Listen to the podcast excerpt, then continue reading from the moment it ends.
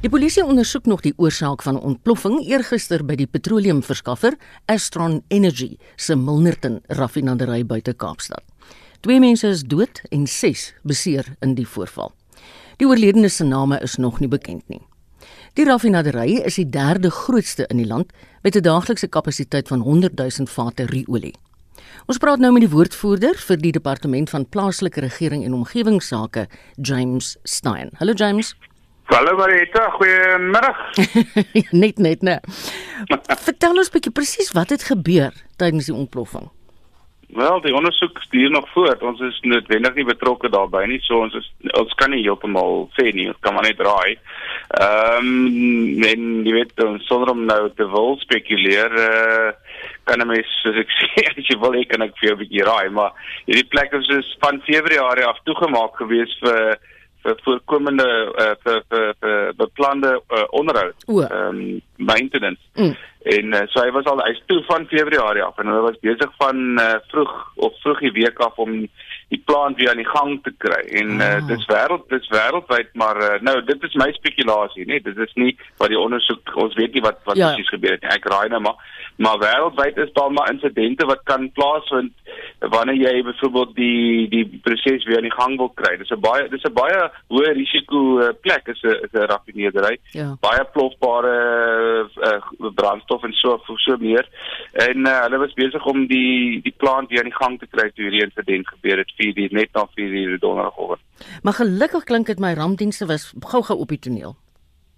Kyk ek dink dis uh, dis die goeie nuus wat ons hier uitvat. Uh dis natuurlik 'n tragiese insident. Mens wil nooit so iets sien nie. Ehm um, maar die feit dat die dat die nood nooddienste, die rampbestuurmanne, die, die so vinnig op die toneel was, 4:00 die oggend in die middel van die winter. Ek dink is 'n uh, is testament vir vir vir die planne wat in plek is en die oefening wat in plek is en wat gereeld gedoen word.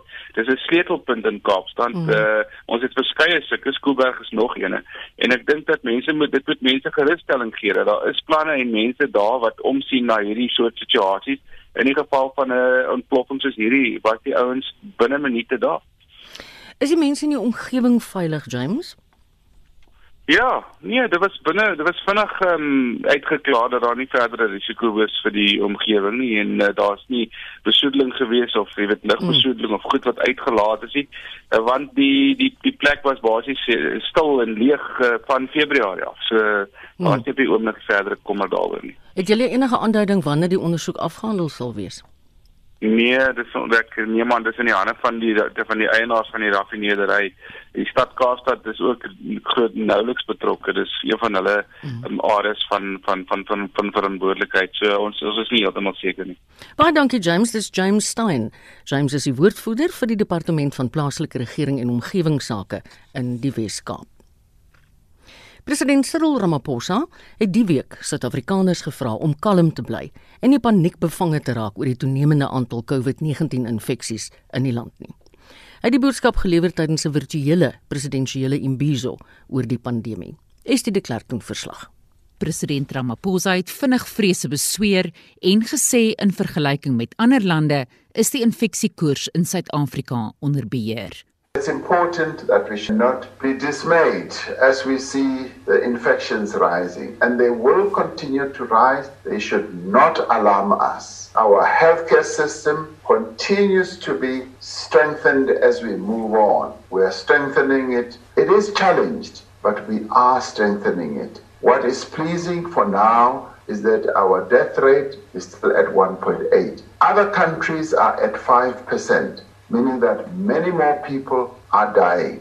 Die nasionale Grendelstaat wat aan die einde van Maart ingestel is, het 'n enorme finansiële impak op die ekonomie gehad. Die meerderheid sake ondernemings het inkomste verloor en talle moes afleggings doen. Dit het die soeklig meer geplaas op onderliggende kwessies soos armoede, werkloosheid en ongelykheid. President Ramaphosa het die COVID-19 pandemie met 'n donker wolk wat oor die land hang vergelyk. Maar daardie donker wolk het ook 'n silwer randjie van geleenthede, het hy gesê.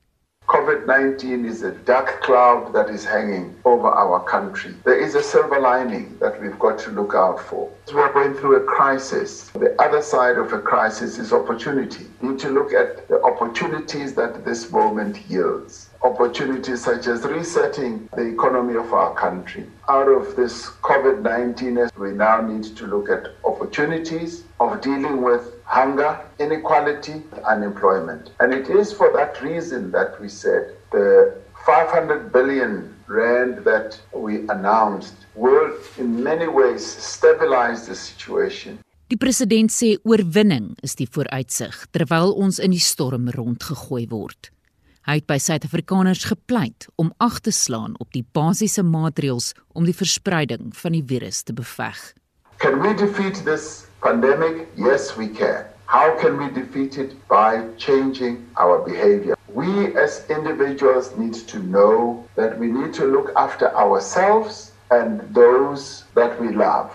And it is about the simple things that we've been talking about. Our own hand hygiene, because this virus is transmitted through the droplets that come out of our mouths, out of our noses, that drop on surfaces, we touch with our fingers, our hands. So it's important that we continue with the practice of washing our hands, covering our mouths and our noses.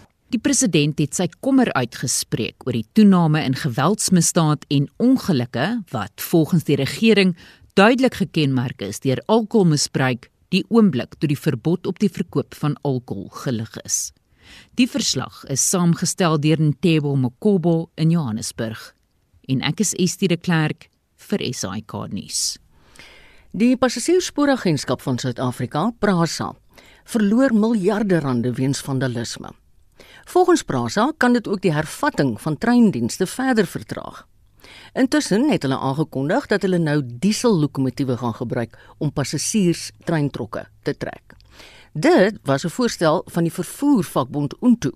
En ons praat nou met Untu se adjunksekretaris en woordvoerder Sonja Karstens. Hallo Sonja.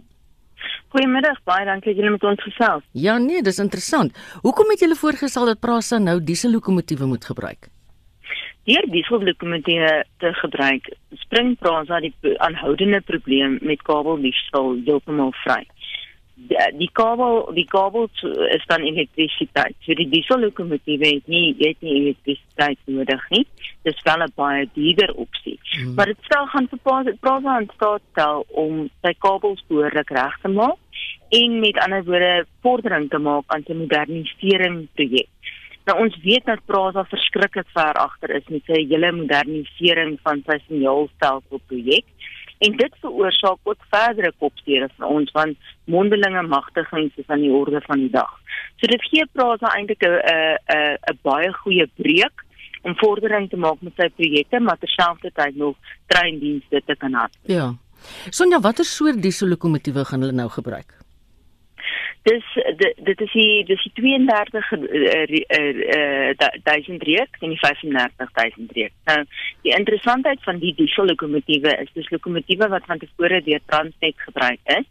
Dit word gebruik deur Prasa wanneer hulle op hulle terreine treine moet skuif. Met ander woorde waans moet skuif. So hulle het van hulle maar nie genoeg nie. Maar dit is 'n vloot wat Transnet nie meer gebruik nie. Transnet gebruik nou 'n sterker diesel lokomotief. Oh, ja. So so dit sal Prasa in staat stel om die treine by Transnet te leen. Dit is eintlik 'n ideale oplossing, né? Dit is. Um, ons het ons het so ver gegaan dat ons die uh, voetwerk ook gedoen het met Transnet om reeds met hulle daaroor te praat. Ehm um, wat ons glo die twee is beide semi-staatsinstellings wat nie die belastingbetalers se geld befonds word en in hierdie tye is samewerking van kardinale belang. Ja, ek sal so reken. Weet jy hoe die veiligheidssituasie op die oomblik lyk? Hoe op aarde kry die diewe en die vandale dit reg om sulke grootskaalse skade aan te rig?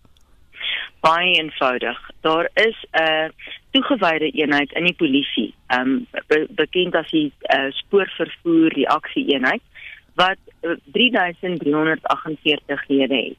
Maar daardie lede is nie operasioneel enigsins sigbaar nie. So in teorie bestaan hulle op praktyk op papier, maar in praktyk sien ons hulle nêrens in spoorvervoer omgewing nie. En dit is die grootste probleem. Daar is geen polisieering van die spoorvervoernetwerk nie. Dit word eenvoudig gelos vir of Transnet Freightrail se uh, private sekuriteitsbeamptes of dan nou Prasa se. En die en en en ons het 37000 km van spoorlyne in Suid-Afrika. So dis nie 'n eenvoudige onbegonne taak. Maar jy weet, daai mense word betaal. Hoekom doen hulle nie hulle werk nie? Dit is waarskynlik ook deels van die um, belastingbetalers se geld. Dit is deel van die belastingbetalers se geld en dit is iets wat ons al by herhaling gevra het vir beide ministers Pravin Gordhan wat die minister van openbare onderneming is van verantwoordelik vir Transnet en dan ook vir minister Mbalula die minister van vervoer wat verantwoordelik is vir Prasa.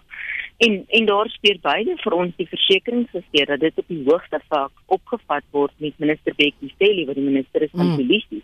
Maar ons sien geen verskil nie. So as 'n mens op op hierdie hoë vlak vergadering sit, dan moet ons hoor hoe die polisie help. Ek meen nou ondanks die vrae gesê die polisie het 'n volle 40 polisielede vir hulle bewillig om te help met skadebeheer nou dat die spoorlyne weer um uh operasioneel is nou 40 polisielede om te help met skade skade skadebeheer is 'n druppel mm. in die emmer as ons kyk na hoe oorbevolk ons treine as reël is. Jo. Watter lyne is op die oomblik toe weens vandalisme? Ehm um, die al die lyne in Johannesburg. So daar is nie op die oomblik in Johannesburg lyne wat wat operasioneel is nie. Nou ek praat nou spesifiek aan die Oosrand, aan die aan die Wesrand, sowel as aan die vereniging kant die hoofroete tussen Pretoria en Johannesburg is ook nie operasioneel nie. Um, in Pretoria is daar slegs een oop roete operasioneel, dis van Pretoria tot Pienaarpoort, maar jou roetes byvoorbeeld na Agrichville, na Garankuwa, mm. dit al daai hoofroetes mm. is gesluit. In Durban het jy net net een roete wat operasioneel is, die res is alles gesluit. Dis die Durban KwaMashu ehm um, eh uh, roete wat wat wat operasioneel is. En in Kaapstad het jy net die suidelike lyne. Dis een van jou jou roetes vir die minste vir eh uh, uh, ja. verkeerpad. Net die suidelike lyn is operasioneel. Die belangrikste een, die sentrale ry, kan glad nie werk nie. Jy weet as ek in die weksmiddag kyk na die verkeersverslae wat ek moet saamstel, dan sien ek by elkeen van hierdie groot stede 'n uiteensetting van watter lyne is nie operasioneel nie. En ek meen dis skokkend, dis mense wat net die trein het om by die werk te kom. D dit is baie belangrik. Jy weet treine is die goedkoopste vorm van publieke vervoer. Ja. En dis ook as 'n mens statisties kyk na na padsterfte syfers in die is meer, is dit ook die veiligste vorm van publieke vervoer dit sou nie vir vir minibus-taksies moontlik gewees het om 'n prysverhoging van 170% aan te kondig as ons treine funksioneel was. Ja, ja, ja. En dit is die dis die grootste hartseer in Suid-Afrika. Ons sal nooit vordering maak om armoede uit te wis as ons nie hierdie goedkoop vorm van vervoer vir die belastingbetaler daarstel nie. Want werkers kan baie maklik hulle werkplekke bereik, maar hulle moet dit in tyd kan bereik. Dit eh, dit moet toeganklik wees, dit moet betroubaar wees en dit is 'n ander probleem met treine. Waar daar treindienste is, is dit nie betroubaar nie as gevolg van die agterstand met die moderniseringsprojek en die feit dat ons van mondelinge magtigingsprys moet maak. Yes, like baie dankie Sonja. Dis eintlik skokkend. Dit was Sonja Karstens Untu, se adjunksekretaris en ook hulle woordvoerder. Voor die inperking sal julle weet as julle gereeld luister, ons baie gereeld met Pieter van der Berg oor sportsake gesels. Nou vandag praat ons met hom hier in Naweek Aktueel. Hallo Pieter. Middag sê Marita, ja, ons het so in sportterme het ons nou op Naweek Aktueel sekerlik 100 dae aangedek en dis alder daar ja, later. So, ja, dit, ons het in 'n vorige seisoen en 'n vorige lewe laas gepraat. Oor Pieter, dis nogal stil hier by ons. Maar as jy nou 'n bietjie vorentoe moet kyk, wat maak jou die mees opgewonde vir dit wat voorlê? Ja ja, so jy sien dis baie stil op die sportveld in Suid-Afrika. Ons weet natuurlik wat al die redes is. Dis uh, ek dink daarom in die laaste 2, 3, 4 weke is daai hier en daar die sportsoorte wat uh, vrygestel word om weer te begin deelneem. Ek dink die goeie cricket nie so op die horison is die feit dat vandag oor 2 weke waar daar die groot solidariteitsbeker wedstryd in Centurion gespeel. Dis natuurlik 'n interessante een as drie spanne met die top 24 spelers in Suid-Afrika wat uh, onder leiding van Abide Villiers, Kagiso Rabada en Quentin de Kok op die 18de Julie gaan hulle dan van kragte meet. Drie spanne met uh, agt spelers elk. En dit is baie interessant daar gaan met ander woorde 'n goue medalje, 'n uh, silwer en 'n brons medalje wees. So tussen die drie spanne in een wedstryd gaan daar 'n wenner, 'n tweede en 'n derde plek wees. En dan gepraat van cricket, WP cricket het aangekondig dat drie direkteure bedank het dis uh, Richard Noor, Solomon Mohammed en ook Mustaq Brey. En dan in die buiteland is dit die eerste cricket toets terwyl ons van, van cricket praat wat natuurlik kan staan op Woensdag begin. Dis wanneer Engeland en die Wes-Indiese eilande in die eerste toets gaan koppe stamp en ek sien so 20 minute gelede het Engeland hulle 13 tal aangekondig wat uh, natuurlik dan uh, op die veld sal stap aanstaande week. Pieter, daai cricket waarvan jy nou praat oor 2 weke, dit word natuurlik sonder toeskouers gespeel, né? Nee? Ja nee, absoluut. In Centurion is maar net 'n klompie van die televisiemense wat daar is en uh, natuurlik die afrigtingspanne van die uh, drie spanne. So nie wat daar's geen uh, toeskouers nie. Ja. Dis maar gemaak vir televisie en vir die media en uh, ons sal seker so 'n bietjie op RSG op vir op hoogte hou van wat gebeur. Ja, ek is seker. Ek het gisteroggend gehoor 'n monitor jy sê as hierdie week vier Suid-Afrikaners in die Amerikaanse PGA golfreeks. Hoe vaar die ouens?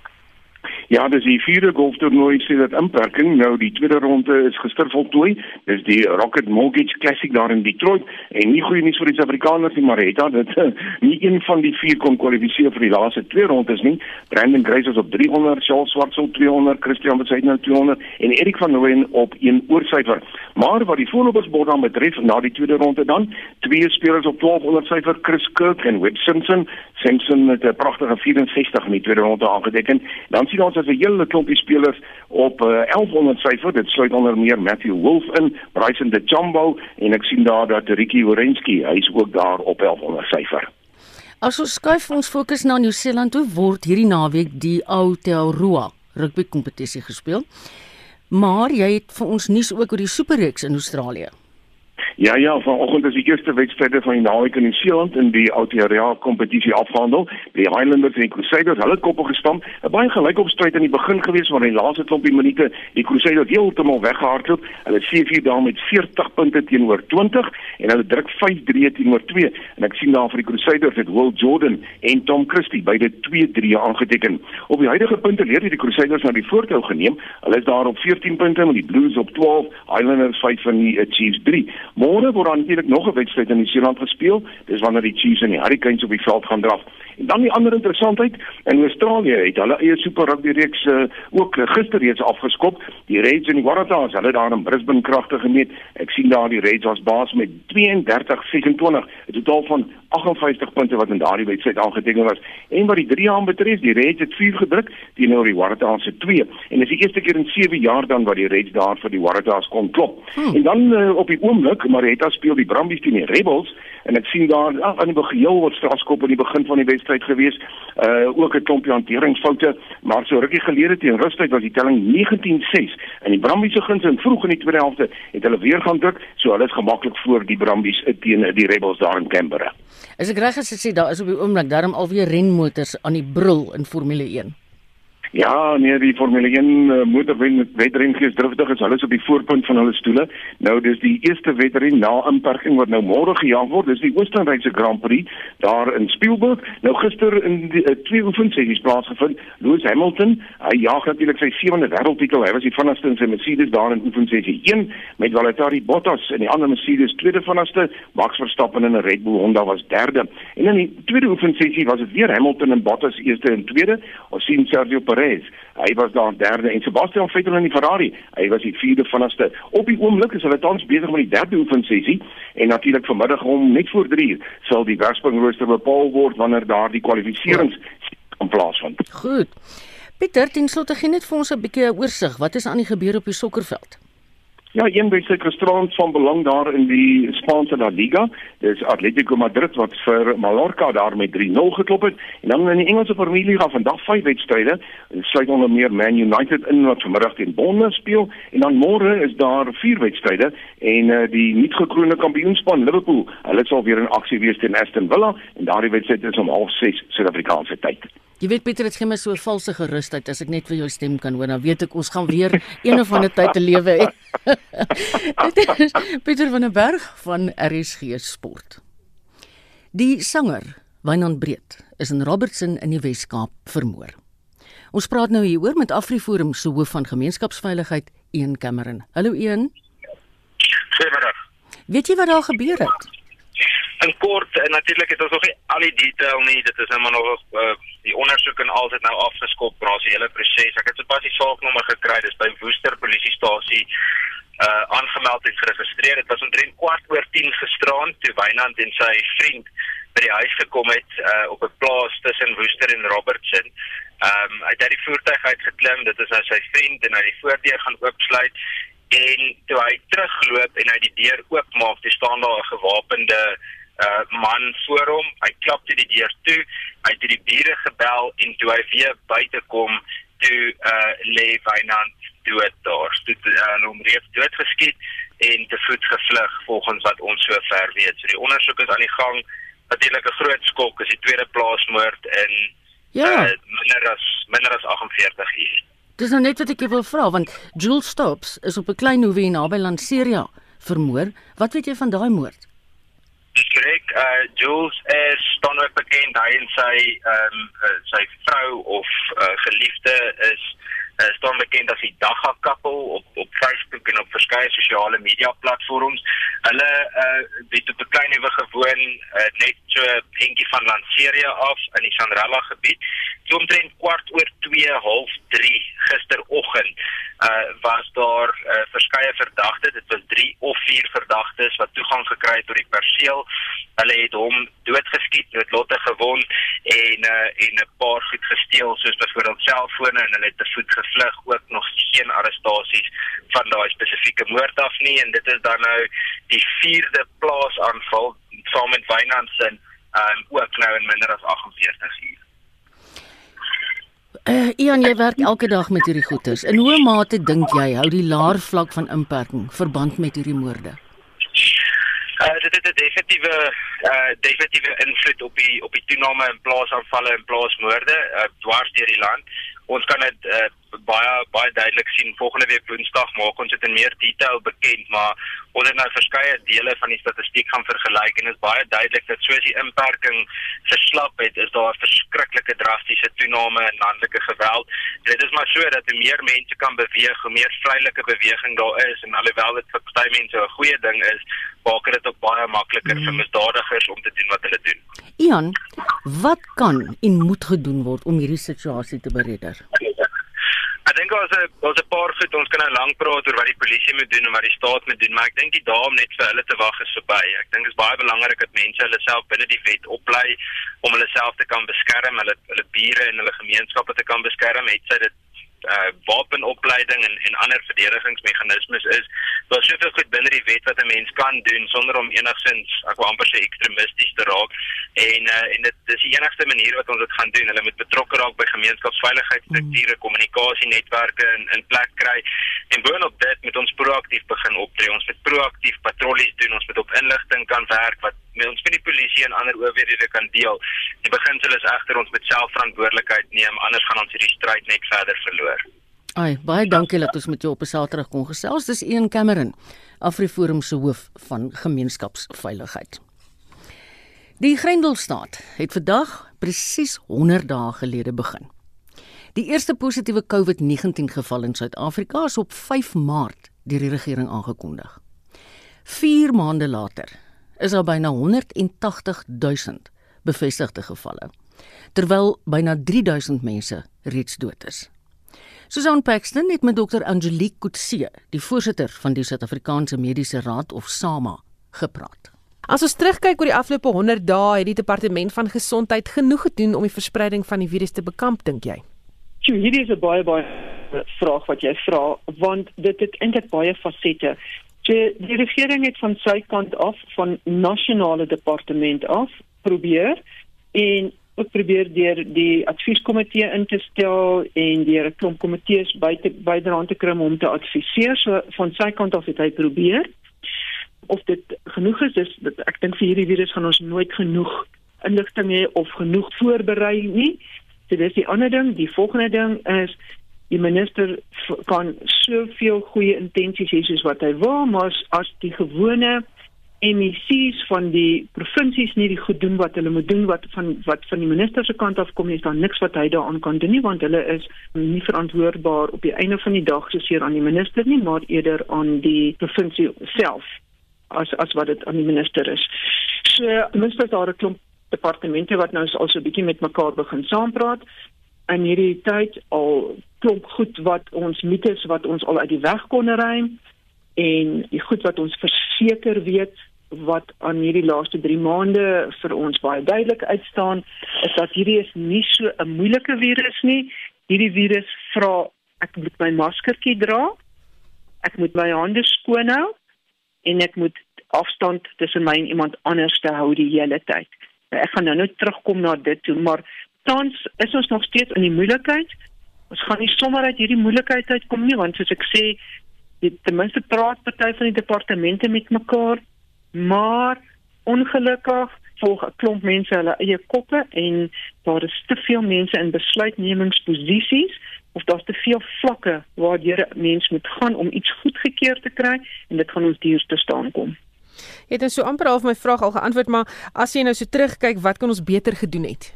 Ek dink wat ons baie beter kon gedoen het om beter te kommunikeer op die vlak wat vir pasiënte en mense daar buite vir die algemene publiek verstaanbaar is die samewerking weer eens nou kom ons terug na die departemente toe. Dit help nie die advieskomitee van die minister gee vir hom baie goeie advies, dan gaan die ander departemente en hulle bring almal hulle eie advies in. Hierdie advies is dan teenstrydig met wat die die gesondheids of die dokters of die scientists daar buite kan sê en dan maak dit die gewone publiek heeltemal de mekaar. Dus jy weet, party van hierdie goed wat ons gesien het daar buite is belaglik. Ek op, waar die departement aan dit kom weet vader alleen maar dit kom nie van die nasionale departement van gesondheid se advieskomitee af nie en dit maak dit regtig 'n babelse verwarring daar buite en dan soos wat 'n gewone suid-afrikaner doen as dit vir jou 'n babelse verwarring word dan doen jy wat jy dink is vir jouself goed. En dan is dit nog verder bedra dit by tot die gas so ons het nie goed genoeg op die vlak te kommunikeer wat vir almal sin maak nie. Die riglyne het nie almal met mekaar gepraat nie. En nog steeds is daar nie genoeg wat gedoen word om mense te laat verstaan die probleem wat hierdie virus vir jou gaan gee as jy dit kry en jy nie 'n paar basiese riglyne gevolg het nie. Die infeksiesyfer in Gauteng skiet na die hoogte in. Die Wes-Kaapse regering waarsku die provinsie se sterftesyfer sal met die in New York City vergelyk kan word en die Oos-Kaap vra om hulp. Hoe donker lyk die volgende paar maande?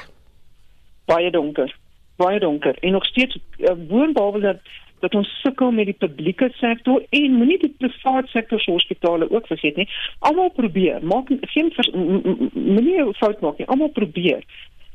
Maar jy weet jy kan so hard probeer so wat jy wil en jy bly net daar staan waar jy is want jy doen dit dom. So mense moet dit baie meer meer jy moet wat jy moet doen om om die boodskap uit te kry. Moet 'n eenvoudige, eenvormige boodskap hê ons moet almal uit dieselfde mond uit praat. Elke persoon, die publiek moet weet hoekom moet hy 'n masker dra? Hoekom moet hy 1.5 meter van mekaar af wees? Die die verpleegkundige in die hospitaal moet presies weet as sy uit die saal uitgaan en sy gaan eet, moet sy weer een sekere goed wat sy moet handhaaf as sy wil buite gaan toi toi saam met die klomp unions, moet sy weet. Jy kan nie daai selfde klere wat sy buite mee getoi toi het nou nou net en gestaak het terugkom en in 'n saal ingaan nie. Daar's 'n klomp goed. Dan wat ons ook sien is omdat die mense onseker is en nie presies weet nie veral in die gesondheidsklinieke en goed. Dan sien ons hulle gaan op uh, stadige staking of hulle dalk nie op verwerk nie of hulle gebruik hulle beskermende klere verkeerd. Met die gevolg is dat op hierdie stadium is die meeste personeel wat aangesteek word, nie so seker tussen personeel of en pasiënt nie, maar tussen personeel en personeel want daar's nog 'n diskonneksie om te verstaan die basiese goed. En dan kom ons die trade unions wat tussenin kom en dan ook nie mooi verstaan nie en dan word dit weer eens 'n babelse verwarring. Jy het nou verwys daarna ook maar die president pleit by die publiek om waaksaam en gehoorsaam te wees, maar ek hoor nog steeds mense wat sê ag hier's net 'n erge verkouetjie. As mense 'n bietjie hardkoppig hier hoor baie hardkoppig soos ons baie hardkoppig. Ek wil nou gou weer vir die mense daar buite sê.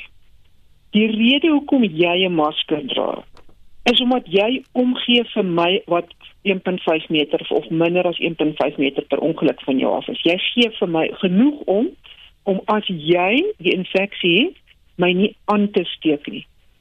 So my masker wat ek dra, ek praat nou van die publiek buitekant se lapmaskers, is om respek te toon vir die mense om my. Right? 1.5 meter, ek toon respek vir jou en ek verstaan dat daar 'n spasie tussen ons moet wees. Ek was my hande sodat ek myself nie kan aansteek nie en ander mense kan aansteek. Nou, interessant wat mense moet hoor. Die feit dat as jy reeds COVID gehad het, daar staan geen studies wat vir ons wys, geen data wat vir ons sê jy kan nie weer geïnfekteerd raak nie. Dis verskriklik belangrik dat die mense hierdie hoor. So, as ek COVID gehad het, moet ek nog steeds my masker dra.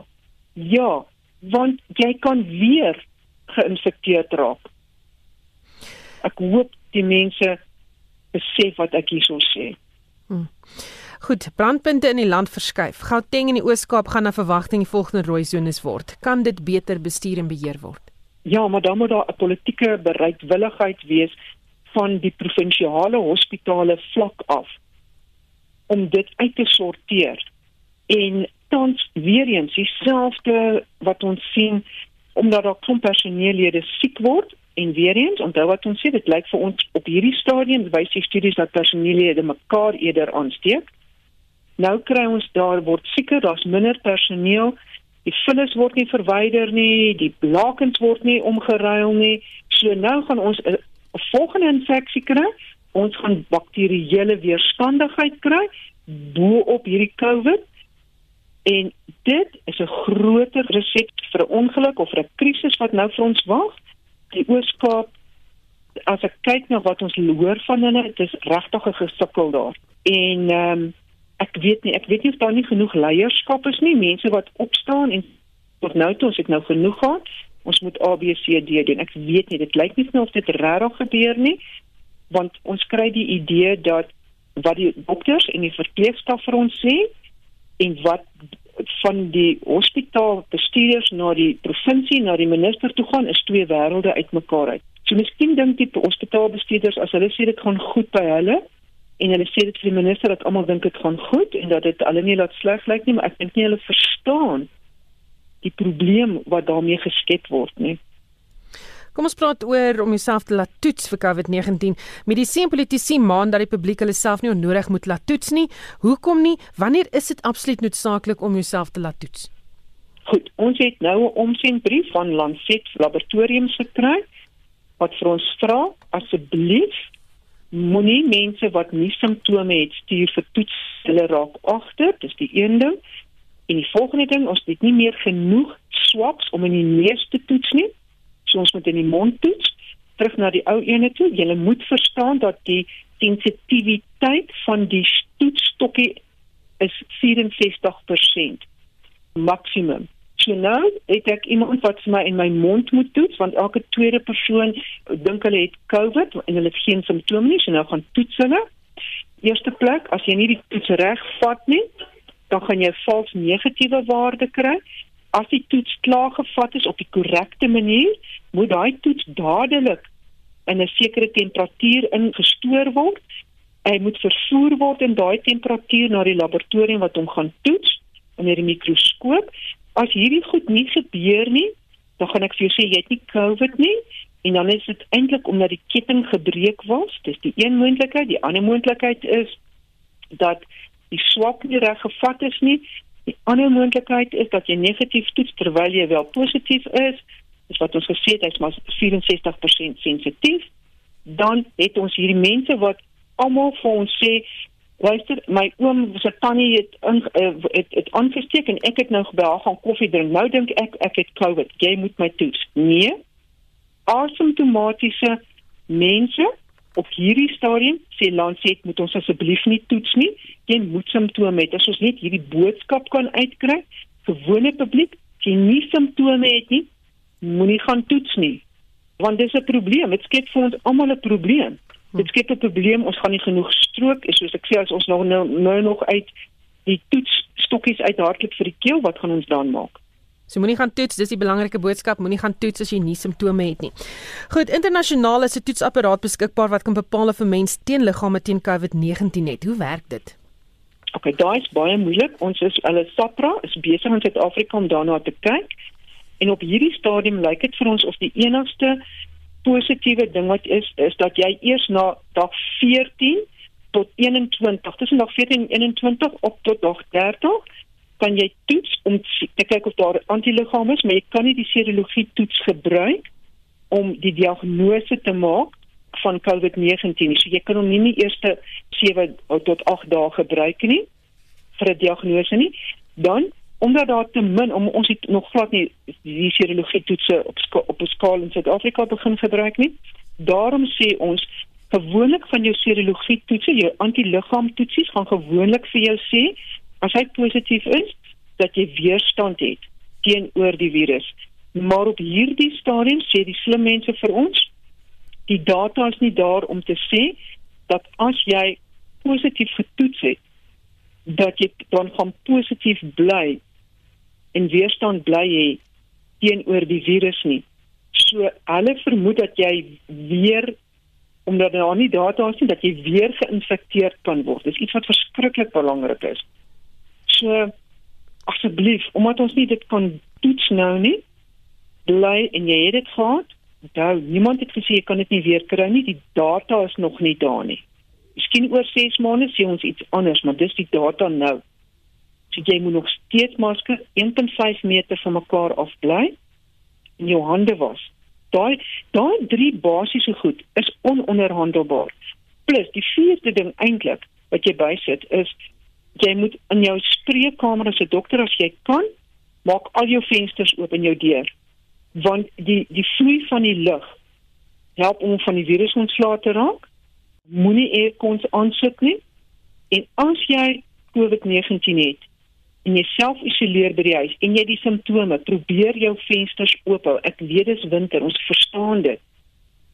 Maar dis 'n manier om van die virus ontslae te raak. Dit is Dr. Angelique Kutse, die voorsitter van die Suid-Afrikaanse Mediese Raad. Sy was in gesprek met Susan Paxton. Nou die Gautengse regering vergader vandag om die moontlikheid van strenger inperkingsregulasies te bespreek. Die provinsie het 'n skerp toename in koronavirusinfeksies aangeteken en daar is vrese dat die provinsie die brandpunt van die virus gaan word. Meer as 54000 infeksies is reeds in Gauteng aangeteken, waarvan 14000 mense reeds herstel het. Die dodetal staan op 282. 'n Kernfisikus en 'n ingenieur by Eskom het 'n ventilator uitgevind wat sonder elektrisiteit kan werk. Dr Wallace Vosloo het aan die idee gedink terwyl hy navorsing gedoen het oor die ventilators wat hulle in veldhospitale tydens die Vietnamese oorlog gebruik het. En daarna het hy en sy vakleerling, Wian Du Plessis, te werk gegaan om hulle eie model te ontwerp wat kleiner is as 'n pak kaarte. In ons gesels nou met Dr Wallace Vosloo. Goeiemôre Wallace. Goeiemôre Marieta en luisteraars. Vertel ons kortliks van die Amerikaanse weermag ventilator waar jy oorspronklik jou idee vandaan gekry het.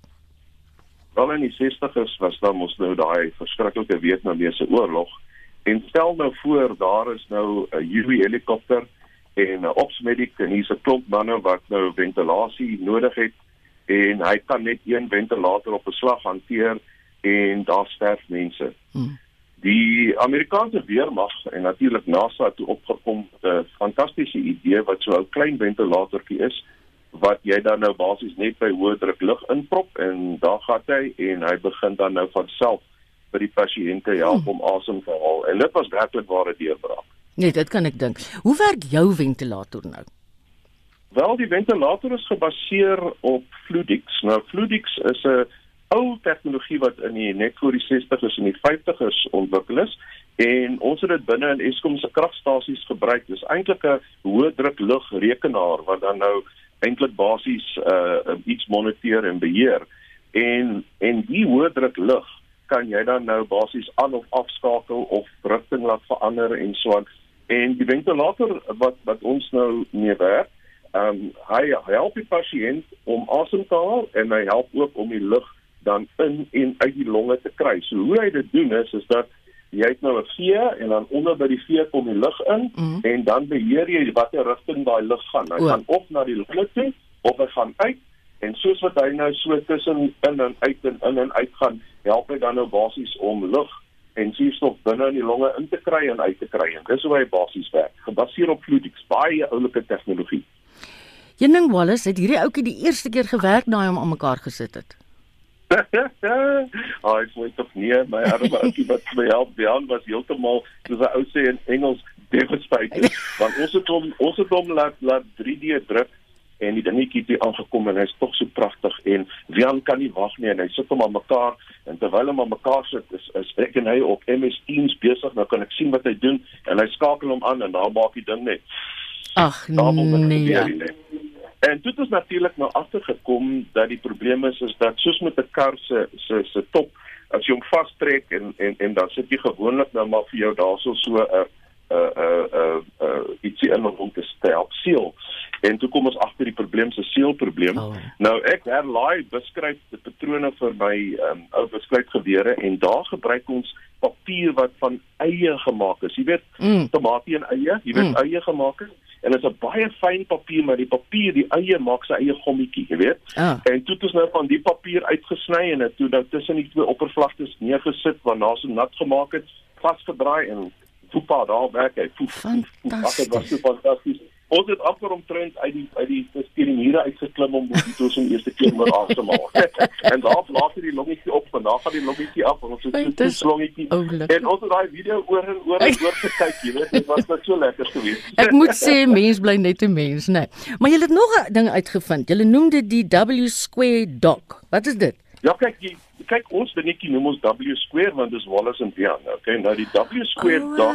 Ja, ja, ja, ja, kyk dit is Ja, natuurlik, jy weet. So dit die die W square dot nou, die enetjie van ons is so klein so pak kaarte, jy het net 'n lugdruk nodig en jy kan dit nou gebruik in die ambulans en waar die pasiënt by die huis is en op pad hospitaal toe. Maar ons dokters deesdae het sulke fancy goeders.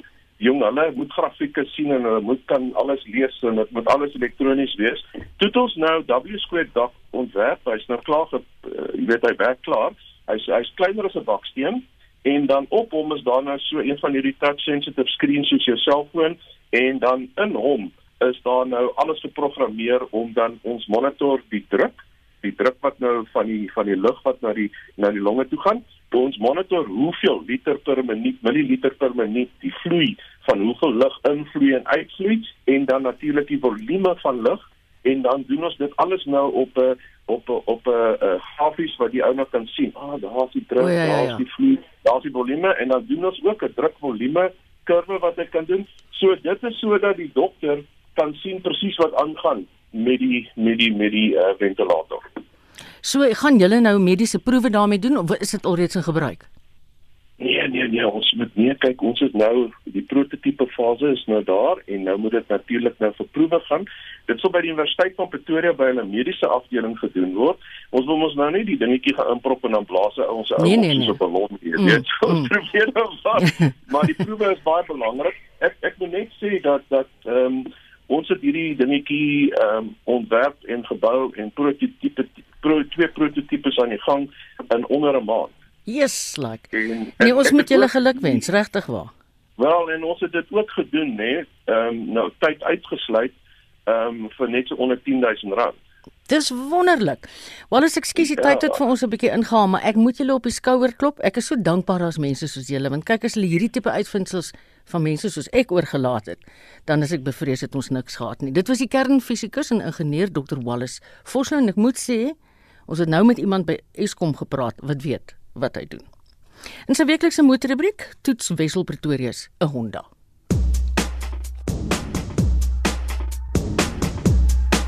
Voertuigverkope darm weer kop opgetel met Junie die eerste volle maand van verkope sedert die inperking begin het. Verlede maand se verkope van net meer as 31800 eenhede is steeds 30,7% laer as Junie verlede jaar. Een het elke 4 nuwe voertuie wat verlede maand verkoop is, was 'n Toyota. Suzuki het ook uitgeblink. Die 1432 eenhede is 'n nuwe verkoopsrekord deur Suzuki se handelaarsnetwerk.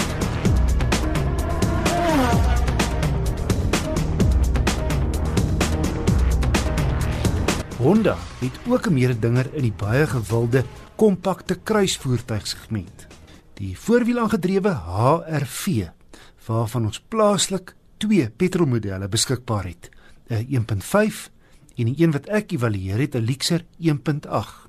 'n Tipiese Honda gesig, opvallend buite is die agterste deurhandvatsels wat agter in die C-pilaar sit en ook swart is. So as jy vinnig kyk, lyk die HRV soos 'n tweedeur. Maar dis net die mag van die gewoonte omdat die agterste handvatsels nie op die gewone plek sit nie.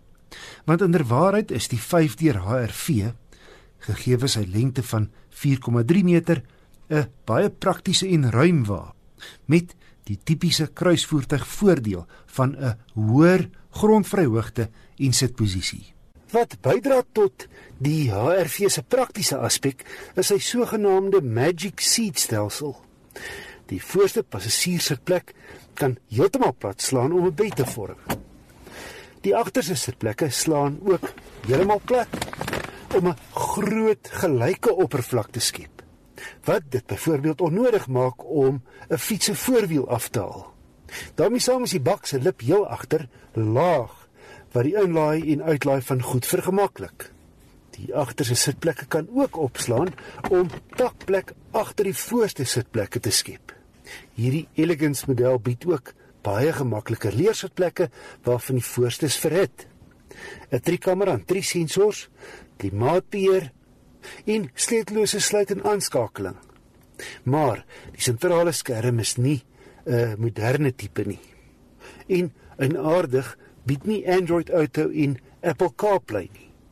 'n Funksie wat 'n mens verwag van 'n voertuig wat nie te ver van 'n half miljoen rand kos nie.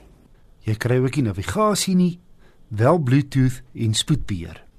Goeie veiligheidskenmerke soos 6 ligsakke en stabiliteitsbeheer.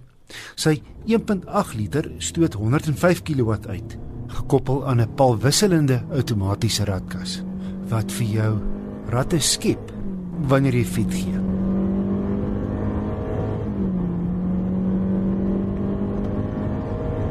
Toere lê op 'n rustige 2200 teen 120 op 'n gelykpad, maar die toere klim vinnig en nogal lyk drigtig wanneer jy versnel of 'n opdraande uitklim.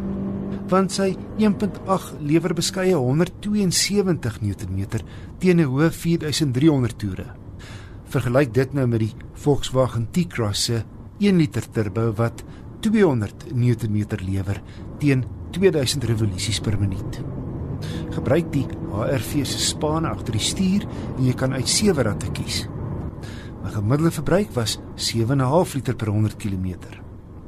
Wat beïndruk het is die Honda se uitstekende ritgehalte oor enige tipe padoppervlak.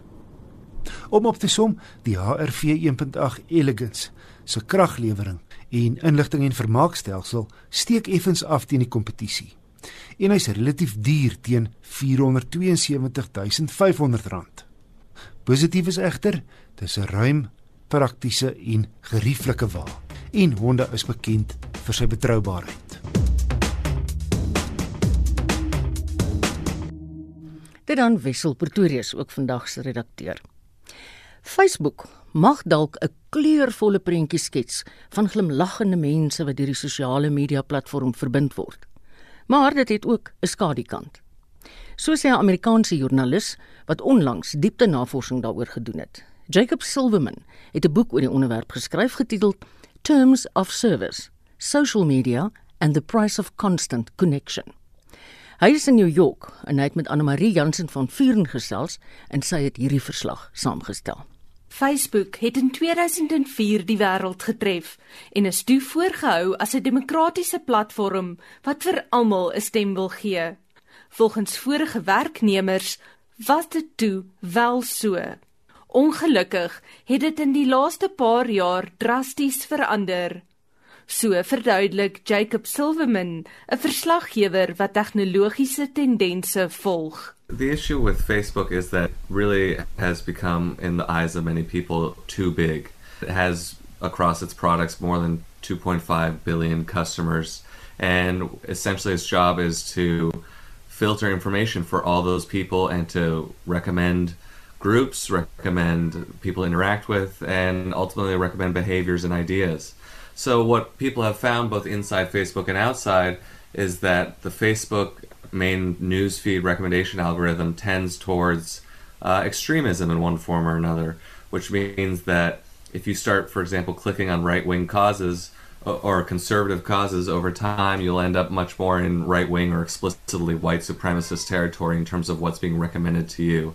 It's much like YouTube in that the algorithm favors engagement, and it's found that basically more extreme ideas provoke more engagement. Hy sê die probleme het begin toe Facebook 'n platform vir ekstremiste en samesweringsteorieë begin word het. Especially in the US, there frankly is some overlap between what you would call conservative or Republican thought and what might be called white supremacy or just outright racist thought and posting and racist speech. So in the US, Facebook has been very reluctant to regulate or crack down on right wing speech because of this sort of porous line and because a lot of conservative politicians here in the US have criticized Facebook as being this censor happy entity. Volgens kenners bereik Facebook meer as 2.5 miljard mense wêreldwyd. Dit het 'n invloed op hoe hulle oor die lewe dink en dis indirek ook op die besluite wat hulle neem. Daarom, meen Silverman, sou dit noodgedwonge ook journalistiek beïnvloed. Facebook is simply the biggest distribution engine for information in the world pretty much. The only thing that compares of course is Google search. So a lot of people are getting their news via Facebook. It's not always from reputable sources. It's not always true. There are similar issues with misinformation and kind of rumor mongering on WhatsApp in some other countries. And there are some things that Facebook has tried to do to crack down this sort of thing. But in many respects, Facebook has taken a hands off approach to regulating speech and to regulating facts and misinformation. And that's a real problem when you have something with the scale of Facebook. Now, the way this connects directly to journalism is simply that you have journalists who are now competing with the latest meme or bit of misinformation that's gone viral, and sometimes that can be impossible. And Facebook also, in its own uh, newsfeed recommendation system, it doesn't privilege news as much as many journalists, I think, would like. Instead, it encourages engagement with other types of content. Now, Facebook, over the last couple of years, has talked about tweaking the newsfeed algorithm to make news a little more prevalent, and they've added a dedicated news tab in some markets. But I think they're still a ways away from making what one might call legitimate, verified, reported news and information a centerpiece of the Facebook platform. Silverman het met 20 verslaggewers gepraat wat gereeld oor Facebook berig. Volgens hulle was dit in die begin daar maklik om stories oor die platform te doen, omdat dit meestal oor nuwe toepassings gehandel het. Maar dit het moeiliker geraak soos wat Facebook al hoe meer in politieke omstredenheid gewikkel geraak het. Facebook, like a lot of big tech companies, is rather secretive. They do communicate with the press a lot, but a lot of it is what we call in the US and perhaps use the same term off the record conversations. You know, conversations that are just sort of to provide some background information perhaps for a journalist but can't be quoted or used. So Facebook engages a lot in that and they also engage in a lot of outright dissembling or some people who I talked to said that Facebook is willing to lie. So I think what you see is it's a lot of the PR tactics of a big company, but you combine that with a company that's perpetually mired in scandal, that's always being accused of not cracking down on misinformation or harassment or abuse or election interference or any other number of issues that are affecting the Facebook platform. And so you have a company that's just sort of too big and not equipped to police itself and that extends to everything from content moderation to interaction with journalists. Van die joernaliste wou nie eens op rekord met Silverman praat nie, want hulle was bang oor die moontlike gevolge daarvan. Hy sê almal is deeglik bewus van wat met George Soros gebeur het toe die sakeman Facebook openlik by die Wêreldekonomiese Forum gekritiseer het. George Soros has a lot of philanthropic interests all over the world and contributes to a lot of pro democracy projects and things of that nature. So he gave a speech in Davos a couple years ago in which he started criticized Facebook. He's done this a few times, and this was one of his most direct attacks on Facebook. He said it was essentially a threat to democracy and to the democratic public sphere. And I believe he called it a threat to society, which must be defended against. So, what happened after that is basically Facebook's communications and PR wing decided that Soros was a real problem and that they had to address him in some way and attack him in the media. So they hired a company called Definers PR, and that company generally right wing client base. And definers came up with some not very sophisticated research that basically showed that Soros funds a number of groups and tried to imply that there was something sinister about that. There's sort of a right wing meme that Soros was somehow uh, anti Semitic or a Nazi collaborator, even though he was a Holocaust survivor. Anyway, this company started sending around this research to a, a number of journalists. As far as I can tell, it wasn't picked up very much, but it was eventually published just so the public could see what was going on. And in the end, the whole incident kind of blew up in Facebook's face. It was considered a real embarrassment to them because they were trying to very crudely dig up dirt on one of their most prominent critics. And there was sort of a suspiciously anti Semitic character to some of the information and the way it was packaged and presented to journalists. Dit was die ondersoekende joernalis en skrywer Jacob Silverman en ek is Anne Marie Jansen van Vuren vir SAK nuus.